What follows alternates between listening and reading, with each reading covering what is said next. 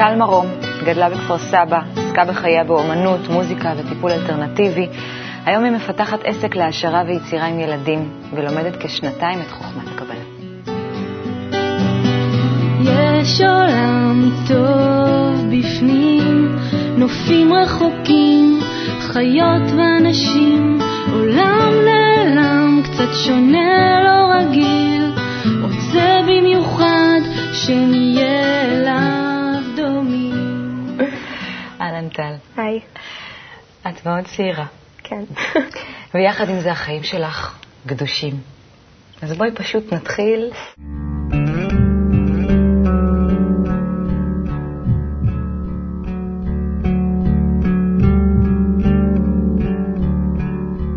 אז מה הבאת? אז ככה. אמ, קודם כל הבאתי את צבעי הפנדה שלי, שאני לא אפתח כי הם רובם בבית, אבל אה, זה החיים שלי, האומנות. אה, אני פשוט, מאז שאני זוכרת את עצמי, אני יוצרת, ובמיוחד, כאילו, אני אוהבת לגעת בידיים, אז צבעי פנדה אני הרבה יותר מחוברת מכחולים וכל מיני כאלה. אה, וזה פשוט היה לי מאוד חשוב להביא את זה. מה שאת אה, מקימה עכשיו, העסק שאת מכירה, זה גם בעבודה כזו עם ילדים, יצירה גם יצירה פלסטית או עוד דברים? כל מה שאפשר ליצור, גם אם זה במחשבה וגם אם זה בעשייה פיזית. מה את מרגישה שאת מעבירה דרך הציור, למשל? המון דברים שקיימים עמוק עמוק בתת מודע, ואני לא בהכרח מודעת אליהם ביומיום, הם פשוט הם יוצאים החוצה. אפילו אם זה דפוסים, ביקורתיות או כל מיני דברים כאלה, זה פשוט יוצא החוצה על הדף, וזה משחרר אוטומטית. אה, החפץ השני שהבאתי, זה, אפשר לקרוא לזה חפצים קטנים, זה קלפים אינדיאנים, קלפי סגולה קוראים להם, שאני מאז שאני זוכרת עצמי הייתי מאוד מחוברת לטבע ולחיות, והכרתי את הקלפים האלה לפני שנה וחצי בערך, והם לא מנבאים את העתיד והם לא מספרים על העבר, אבל uh, מה שהם עושים זה מאוד מחברים אותי אוטומטית uh, לתוך עצמי, לרגשות שלי. על ידי uh, חיות מסוימות, זה יכול להיות סוסים, כל מיני חמוסים, ציפורים למיניהם. זה משקף לי את הרגשות הפנימיים שלי. והאחרון זה מיקרופון, uh, שאני שרה מגיל מאוד מאוד צעיר. ומאוד אוהבת להופיע, בין אם זה במשחק, ריקוד והכל, אז מבחינתי מיקרופון מייצג לא רק את המוזיקה ואת השירה, אלא באמת את האהבה שלי להופיע אה, ולהציג את הכישרונות שלי.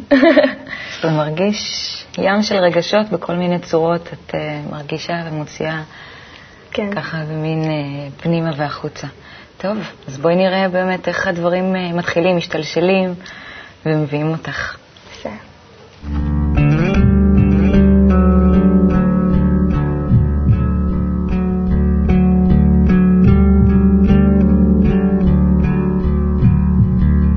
איפה זה מתחיל?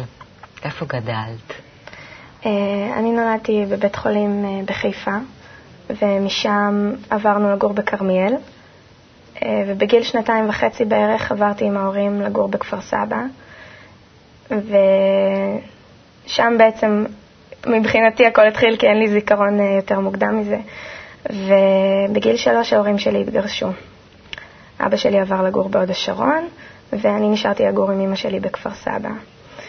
אז אה, אפשר לומר ששם הכל התחיל עם אמא שלי, שאני זוכרת מגיל מאוד מאוד קטן, שכמו ש... שראינו קודם, אני מאוד רציתי להביע את היצירתיות שלי בהרבה דרכים. ואימא שלי, הבית שלנו היה נראה כמו מקום קסום כזה, היה שם הכל פשוט, ספרים על כל העולם, בגדים מאוד מיוחדים, אה, היא בן אדם מאוד מאוד רבגוני, והיה לי את היכולת לחקור באמת את הפנימיות שלי עם כל הדברים שהיו לנו בבית. אף פעם לא הייתי צריכה לחפש שום דבר בחוץ. אה, ובילדות אה, היה לי מאוד פיצול, כי מצד אחד היה את אבא שלי, שאני לא ממש זוכרת הרבה מהגיל הזה, איך זה להיות אצלו והכל, כי הייתי רק באה לבקר וגם הייתי מאוד שונאת את זה. אמ, כי אצל אבא היה סוג של חוסר תקשורת. היה, הייתי רואה המון המון טלוויזיה ובורחת לאיזה עולם דמיוני כזה, של פיות ושדונים. וגם הייתי מאוד מעסיקה את עצמי בטבע, הייתי יוצאת החוצה, שרה לפרחים, לדבורים, מתבוננת המון על הנמלים. גם את שונאת את זה. כן. בעיקר את הלבד. זה שהוא לא היה איתך? כן, היה לי מאוד קשה עם הלבד, כי אני בת יחידה גם, וכאילו זה כל הזמן היה לחפש עיסוקים, להעסיק את עצמי, היה לי מאוד קשה עם זה. ועם אימא, אז תמיד היה הרפתקאות, כאילו. אימא שלי גם הייתה מנחה הרצאות של אוריגמי וכאלה, אז היו הרבה ילדים אצלנו בבית, והייתי יכולה להשתמש בהכל. ובאמת, איך, איך הרגשת בתור ילדה שההורים שלה גרושים, שסביבך יש אנשים, ילדים שאולי לא, איך הרגשת? היה משהו חריג בעניין הזה? אני חושבת ש...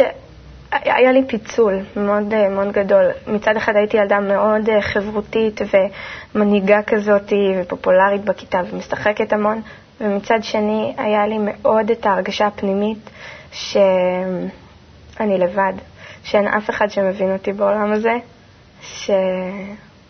שכואב. כאילו, הרגשה ממש חזקה שכואב, שהייתי יושבת לפעמים שעות מול המראה, פשוט בוכה. מתאמנת על לבכות. למה מול המראה באמת? היה בי משהו שאפילו נהנה קצת מה, מהסבל הזה, מהדרמה הזאת. ו... אבל באמת כאב לי, באמת כאב לי. כאילו, לא הסתדר לי הקטע הזה שההורים שלי לא ביחד, שיש איזה פיצול. זה לא, זה לא הסתדר לי עם מי שאני. הכעס הזה וה... ויחד עם זה הרגשת שזה אולי זה גם הצגה. כן, עכשיו שאת אומרת את זה, כן. כן, זה כאילו, בכלל, כל החיים האלה נראים לי הצגה, מאז, מאז גיל מאוד קטן. כי נראה לי שעוד מעט כולם הולכים להשתחוות ו... ולהגיד תודה רבה. כן. באמת? כן, ממש ככה. ומשהו קורה בח... בגיל 13, כיתה ז'. כן. מה קורה לך? אני נכנסת לחטיבה אחרי תקופה של תמימות, אפשר לומר, כאילו, באמת ביסודי היה המון אהבה וחברות, ובחטיבה פתאום יש פגישה עם עוד סוגי אוכלוסייה שקיימים בכפר סבא, ולא בהכרח אנשים שהייתי מתחברת איתם מרצוני החופשי, כאילו, המון הרגשה של איפה אני נמצאת, כמו בעיר סואנת כזאתי, ש... לא יודעת, צריך למצוא את המקום שלי. ואוטומטית, לא יודעת, יש לי מין מזל כזה שאני נכנס לחברה ואנשים נדבקים אליי, כאילו, לא יודעת, עושים אותי די פופולרית וזה, אבל בפנים הרגשתי כאילו, עם מי אני יכולה להתחבר פה? כולם, לא יודעת מה, מזלזלים אחד בשני, כאילו עושים כל מיני משחקי תפקידים כאלה, החבורה הזאת טובה, החבורה הזאת לא טובה, ואני לא הייתי במקום הזה בכלל. איפה היית? אני באתי מהמון מקום של נאיביות ותמימות ורצון לסמוך על אנשים. כאילו, כשאנשים היו משקרים לי או מנסים להוציא ממני איזה משהו, אז אני הייתי בהלם. אני פשוט הייתי בהלם. והקטע האבסורדי הוא שעם כל התמימות והכל, אני נפלתי לחבורות הכי לא טובות. כאילו... למה? חיפשתי מישהו שיגן עליי. ואיך חשבת שלהם יש איזשהו כוח הישרדות בעולם שיותר ממה שלך יש? כן, ממש ככה. אני הייתי נצמדת לבנות האלה שהיו מנצלות אותי והיו מדברות אליי לא יפה. ו... זיהית את זה אז? כן. זיהיתי ולא הצלחתי לצאת מזה, כי זה היה מאוד מאוד חזק. מין תפקיד כזה של קורבן, כאילו, מצד אחד הייתי נצמדת אליהם כי הם היו הכוח, אבל מצד שני היה לי נוח במקום הזה ש... שאני קורבנית ואני מתלוננת על זה שעושים לי ו... הפכת להיות קצת כמוהם? הרגשת שאת לא. כן לומדת, מקבלת איזה שהם כלים אחרים? לא, את האמת שלא. רק חוויתי הרבה התנגדות, כאילו. אולי זה גם היה איזה סוג של דווקא הגדרה, כאילו אולי נכנסת כדי... יכול להיות, יכול להיות, כי אני מאוד הרגשתי דווקא הרבה שנאה, כאילו, לבנות האלה, והרבה... ויחד עם זה היית חברה שלהם. זה לא ממש חברה, זה, זה ממש כאילו... כמוהם. כן, זה לא ממש חברה, זה כאילו הייתי פשוט נדבקת אליהם, להגיד שאני מכירה אותם ושהם מכירות אותי, כאילו כסוג של הגנה, כי okay. לא יודעת איך להתנהל. אז מה זה גרם לך? שוב הפיצול הזה שחוויתי מאז שאני ילדה התחזק, והרגשתי בפנים שאני ממש שבר כלי, כאילו שכל רוח הכי קטנה יכולה להעיף אותי לפה או לשם, שמבחוץ יש לי איזה חסינות, כאילו איזשהו חזון שאי אפשר להתקרב אליי, והרבה היו קוראים לי סנובית או כל מיני דברים כאלה, ולא באמת התכוונתי לשדר את זה, פשוט לא ידעתי איך לעשות את האיזון. כי בפנים הייתי מאוד מאוד רגישה, וראיתי כבר שכששידרתי את זה אז פגעו בי מאוד. אז כאילו הייתי חייבת ליצור איזשהו... כן. ומה שקרה זה שהתאהבתי באיזה בחור שם, בגיל 13 בכיתה ז', ונכנסה לי איזה מין אובססיה בראש כזאת, שחשבתי שאם אני אהיה יותר רזה אז הוא יאהב אותי. Mm. אה, שבדיעבד אני יודעת שזה תירוץ, אבל... אה, התחלתי לפתח בולמיה, וזה נמשך. איך מפתחים בולמיה? פשוט מנסים. פשוט, אה, אני לא אשכח את היום הזה, קניתי עוגת שמרים ענקית כזאתי, והגעתי הביתה ואמרתי, אני עכשיו מחסלת את כולה, ואחר כך נראה אם זה יגרום לי להקיא, אז בסדר, כאילו. אז מה שרצית בעצם זה להקיא. כן, רציתי, okay. אוקיי. רציתי להרזות, ו... ולא הכרתי דרך מהירה אחרת. אז uh, באמת עשיתי את זה, חזרתי הביתה, קניתי עוגת שמרים ענקית כזאת, חיסלתי את כולה, הרגשתי נורא. וראיתי לפני כמה שנים, לפני זה ראיתי את אימא שלי, בגלל שהייתה חולה, אז היא הקיאה בשירותים, וקלטתי את זה כזה. ואז אמרתי, טוב, ננסה, מה, דוחפים את האצבע, משהו כזה, וניסיתי. ובחודשים הראשונים זה היה נראה כאילו אני שולטת בעניינים, כאילו, מה, לי יש מחלה? איזה מחלה? אני כולה, כולה מרזה, כאילו, כולה עושה איזה משהו שלא נראה לי שזה מחלה. ואחרי כמה חודשים קלטתי שהעניין הזה משתלט עליי ואני לא יכולה להפסיק. וזה נמשך וזה נמשך וזה נמשך בערך אה, שנה וחצי. מה, מה התחושות ש... שאת חשה לאורך כל התקופה הזאת? אמ, כלפי עצמך, כלפי העולם.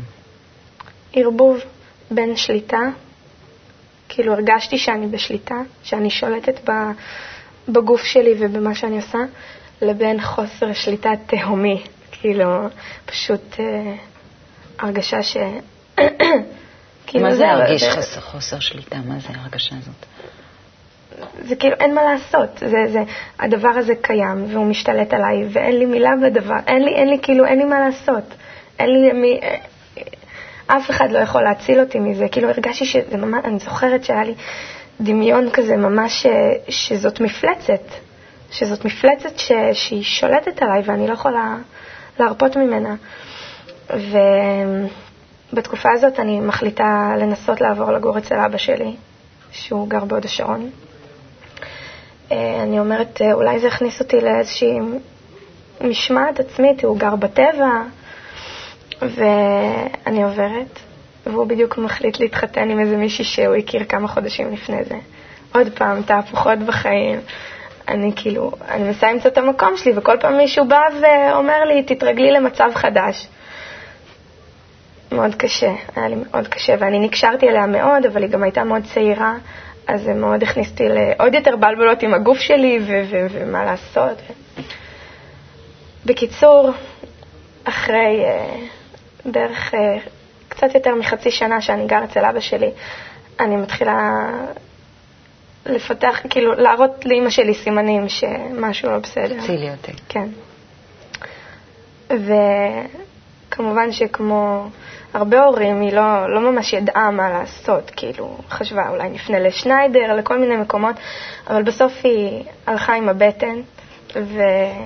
ואמרה, מה שטוב עבור הבת שלי זה טבע, וזה מה שיציל אותה גם. ופה ממש מתחיל הסיפור עבורי, כי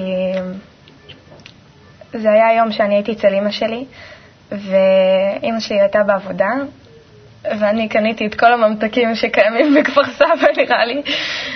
אה, ופשוט נשקלתי על המיטה בחדר שינה שלה, ראיתי טלוויזיה וערימות של ממתקים, פשוט חיסלתי הכל. ואני זוכרת פשוט רגע קטן כזה, עדין עדין, שאני אומרת לעצמי בלב, וזה, וזה הרגיש לי שאני לא אומרת את זה לעצמי, אלא לאלוהים. אלוהים, אני, אני מוכנה עכשיו להשתחרר.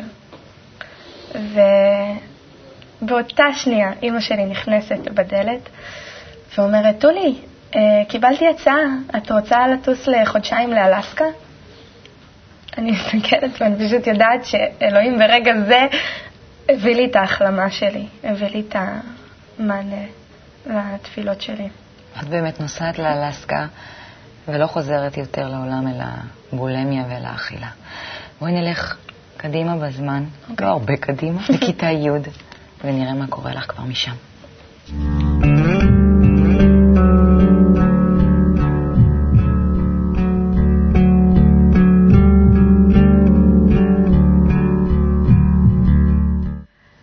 חוזרת מאלסקה והכל מאחורייך. כן. אה, ואז נכנסת לכיתה י', ויש משהו שלא הצלחת להשתחרר ממנו, נכון? אה, כן, הריקנות, הדיכאון. כאילו, כל כיתה ט' עברה איכשהו בסדר. עברה על מי מנוחות, אפשר לומר. ופתאום כיתה י', אה, אני ואימא שלי עוברות עוד פעם דירה, בתוך כפר סבא ולמקום אחר. ואני מתחילה להרגיש מין לחץ פנימי כזה של כאילו גיל ההתבגרות התחיל. אה, ומתחיל להתפתח אצלי מין דיכאון כזה, שבכיתה י' עוד לא ממש יצא החוצה, עוד לא...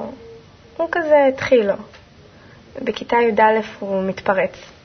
אני לא רוצה ללכת יותר לבית ספר, אה, אני פשוט, פשוט רוצה להתאבד, אה, ממש ניתוק מאימא שלי, כעס עליה, המון המון רגשות שעולים שאין לי מושג איפה הגעתם עכשיו. מה, מה, מה, מה המהות שלהם? פשוט אה, לחפש משמעות. אני אפילו ממש זוכרת, ממש ממש זוכרת את זה בבהירות, שכיתה י"א, בזמן שהתחיל הדיכאון הזה, הייתי נכנסת למקלחת, מסתכלת על הקירות, וכאילו כאילו אני לא רואה מה המשמעות של הקירות האלה. זה, זה קצת מוזר להסביר את זה, אבל uh, מסתכלת ו- ואומרת, uh, מה זה, זה ריק, כאילו אין פה כלום. לא, לא מבינה איפה מה שהייתי חווה לפני זה, איפה איזה מין השתקפות כזאת על משהו, ופתאום לא היה כלום. פתאום כמו מתה, ולא ידעתי מה עושים. אז אה, כמובן מהר מאוד הכניסו אותי לפסיכיאטר, והתחלתי אה, לקחת כל מיני, כאילו, רשמתי כל מיני כדורים, שאני לא חשבתי שזה הפתרון. מה אה, חשבת שהפתרון? אז. לא יודעת, אבל, אבל לא זה. ומה ששכחתי לציין זה שבכיתה י' אני נכנסתי לקבוצה של אכלנים כפייתיים, שפועלת לפי ה-12 צעדים של אלכוהוליסטים אנונימיים. אה, לא בגלל שהבולמיה נמשכה, אלא פשוט אה, אכילה כפייתית נמשכה. אני יודעת שאת אה, באיזשהו שלב במאמצים מאוד גדולים מנתקת את עצמך מהקבוצה הזאת. כן, איכשהו. מנתקת את עצמך ומקבלת, מתגלגל לידייך ספר. זה לא כל כך ספר, כמו שאני נכנסת לאינטרנט הרבה בתקופה הזאת. Okay. ומחפשת uh, כל מה שיכול להסביר לי את מה שחוויתי, ומגיעה לאיזשהו מאמר. מאמר. כן, שקוראים לו סיפורו של ישראל, שנכתב על ידי בן אדם בשם גלעד שדמון. ואני אומרת, uh, טוב, לא יודעת, נראה לי האיש הזה מאוד מעניין, הדברים שהוא כותב פה מאוד מאוד מעניינים. אני, כדאי שאני איך אפגוש אותו. מה עניין אותך? הוא, זה, זה סיפור שמספר על בן אדם שנפגש אה, עם איזשהו רב ומתחיל לשאול אותו באמת על משמעות החיים okay. אוקיי. והכל. אז אה, הרב הזה עונה לו תשובות שאני לא שמעתי. משהו? את זוכרת איזה תשובה שתפסה אותך? כן. מה? ההסבר על הרצון לקבל, שאנחנו בנויים מין, אה, במין מערכת כזאת שאנחנו רודפים אחרי תענוגות ובורחים מסבל או ממכאובים. ו... ושאנחנו כל הזמן רוצים למלות את הכלי שלנו ואנחנו לא יכולים לברוח מזה בעצם, זה מה שמוליך אותנו. ואמרתי, בוא'נה, את ההסבר הזה עוד לא שמעתי אף פעם. שמעתי הרבה דברים אחרים, המון דברים אחרים, אבל את ההסבר הזה, היה בזה משהו מאוד uh, הגיוני. Mm, מעניין, כן. כן. והלכתי לפגוש את גלעד. ונפגשנו uh, במכללה שלו, שהוא מנהל לרפואה אלטרנטיבית. Uh, עכשיו, אני בתקופה הזאת uh, לא עשיתי צבא מטעמי מצפון, וככה חיפשתי את עצמי בין עבודות מזדמנות ללימודים וכל מיני. אז uh, אמרתי לו שקראתי את המאמר ומאוד עניין אותי. הוא אומר לי, תשמעי, אני פותח עכשיו קורס לרפלקסולוגיה, אולי תצטרפי. אני אומרת לו, טוב, בספונטניות מוחלטת, כאילו, כי פשוט לא היה לי משהו אחר לעשות. ואני באמת נכנסת למכללה הזאת ומתחילה ללמוד רפלקסולוגיה. ובצד, ככה, המזכירה שם במכללה אה, מתחילה לטפטף לי על שיעורים של אה, איזה שיעור רב, ושלומדים שם ברצינות, ואני אומרת לעצמי כל הזמן בראש, נו באמת, הם בטח לומדים מהשכל, הם לא חווים את כל מה ש... שהם מדברים עליו, וכאילו, אין לי כוח להיכנס עכשיו לאיזושהי קבוצה שתלמד אותי כל מיני חוקים אה, של העולם הזה, ו... ואני כל הזמן דוחה ודוחה ודוחה ודוחה. ואז חצי שנה אחרי זה, אה, אני שואלת את גלעד ככה, תגיד, מתי אתה פותח איזשהו קורס בקמפוס הזה שאתה מדבר עליו? אז הוא אומר לי, היום, עד הבאה. אז באתי. וכל השאר היסטוריה? אה, לא, את האמת שההתחלה לא הייתה קלה בכלל. בכמה חודשים הראשונים לא הבנתי מה אני עושה, מה אני עושה במקום הזה בכלל, כאילו, משהו, כוח כזה שמושך אותי לשם כל הזמן. ואני לא רוצה להיות שם, ואני כן רוצה להיות שם. ו... ורק אחרי הקונגרס הראשון שהייתי בו, לאט לאט דברים התחילו להתיישב אצלי במקום. בואי נקרא איזה ציטוט בחרת להביא.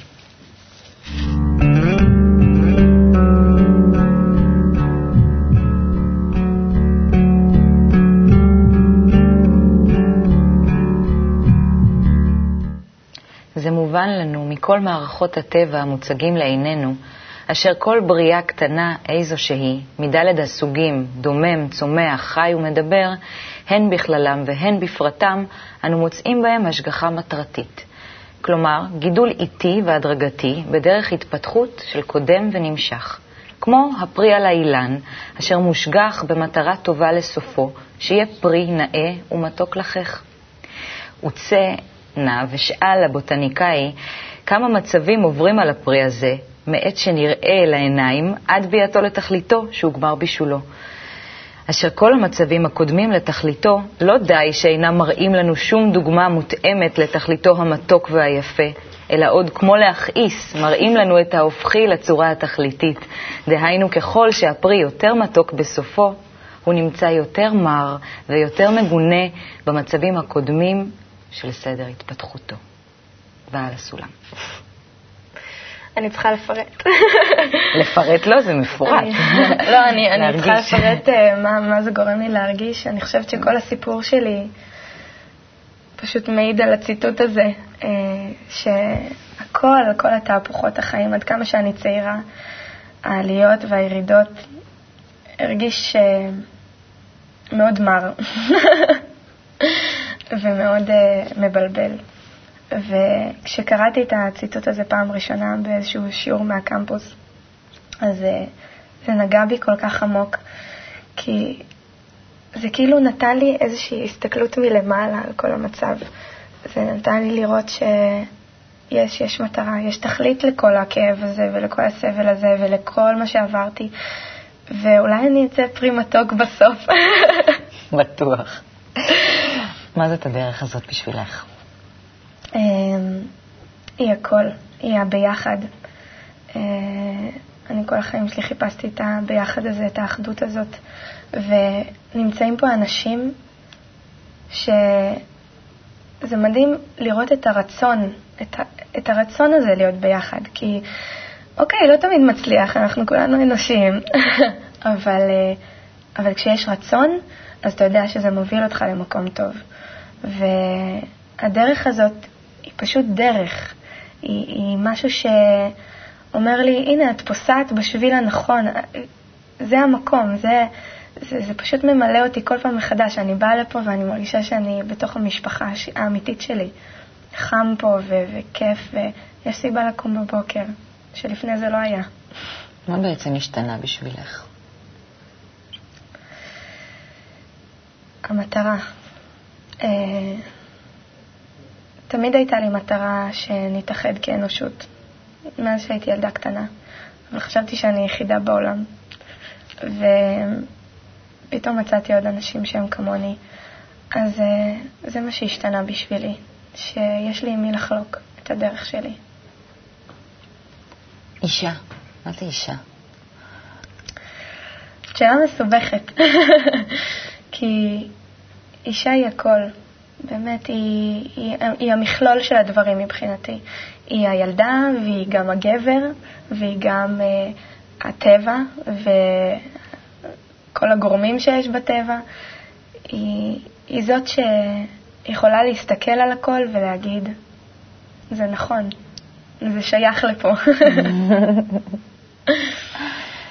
מה את מאחלת? זאת שאלה שאני חשבתי עליה הרבה, והגעתי למסקנה שהדבר היחידי שאני מאחלת זה שכל בן אדם יעשה מה שטוב לו. כי כל, כל הדרכים, כאילו כל מה שבן אדם עובר, בסוף יביאו אותו למקום הנכון. אז אין לי מה לאחל. אף, אף אדם לא צריך לשנות בכוחות עצמו את מה שהוא עובר. הוא יגיע, הוא יגיע למקום הנכון, ואם הוא צופה בתוכנית הזאת כרגע, אז, או היא צופה בתוכנית הזאת כרגע, אז סימן שהם כבר במקום הנכון. טל מרום, תודה לך. תודה. שוב לא אראה דברים כאמש, כי בא גל גדול ושטף את כולי.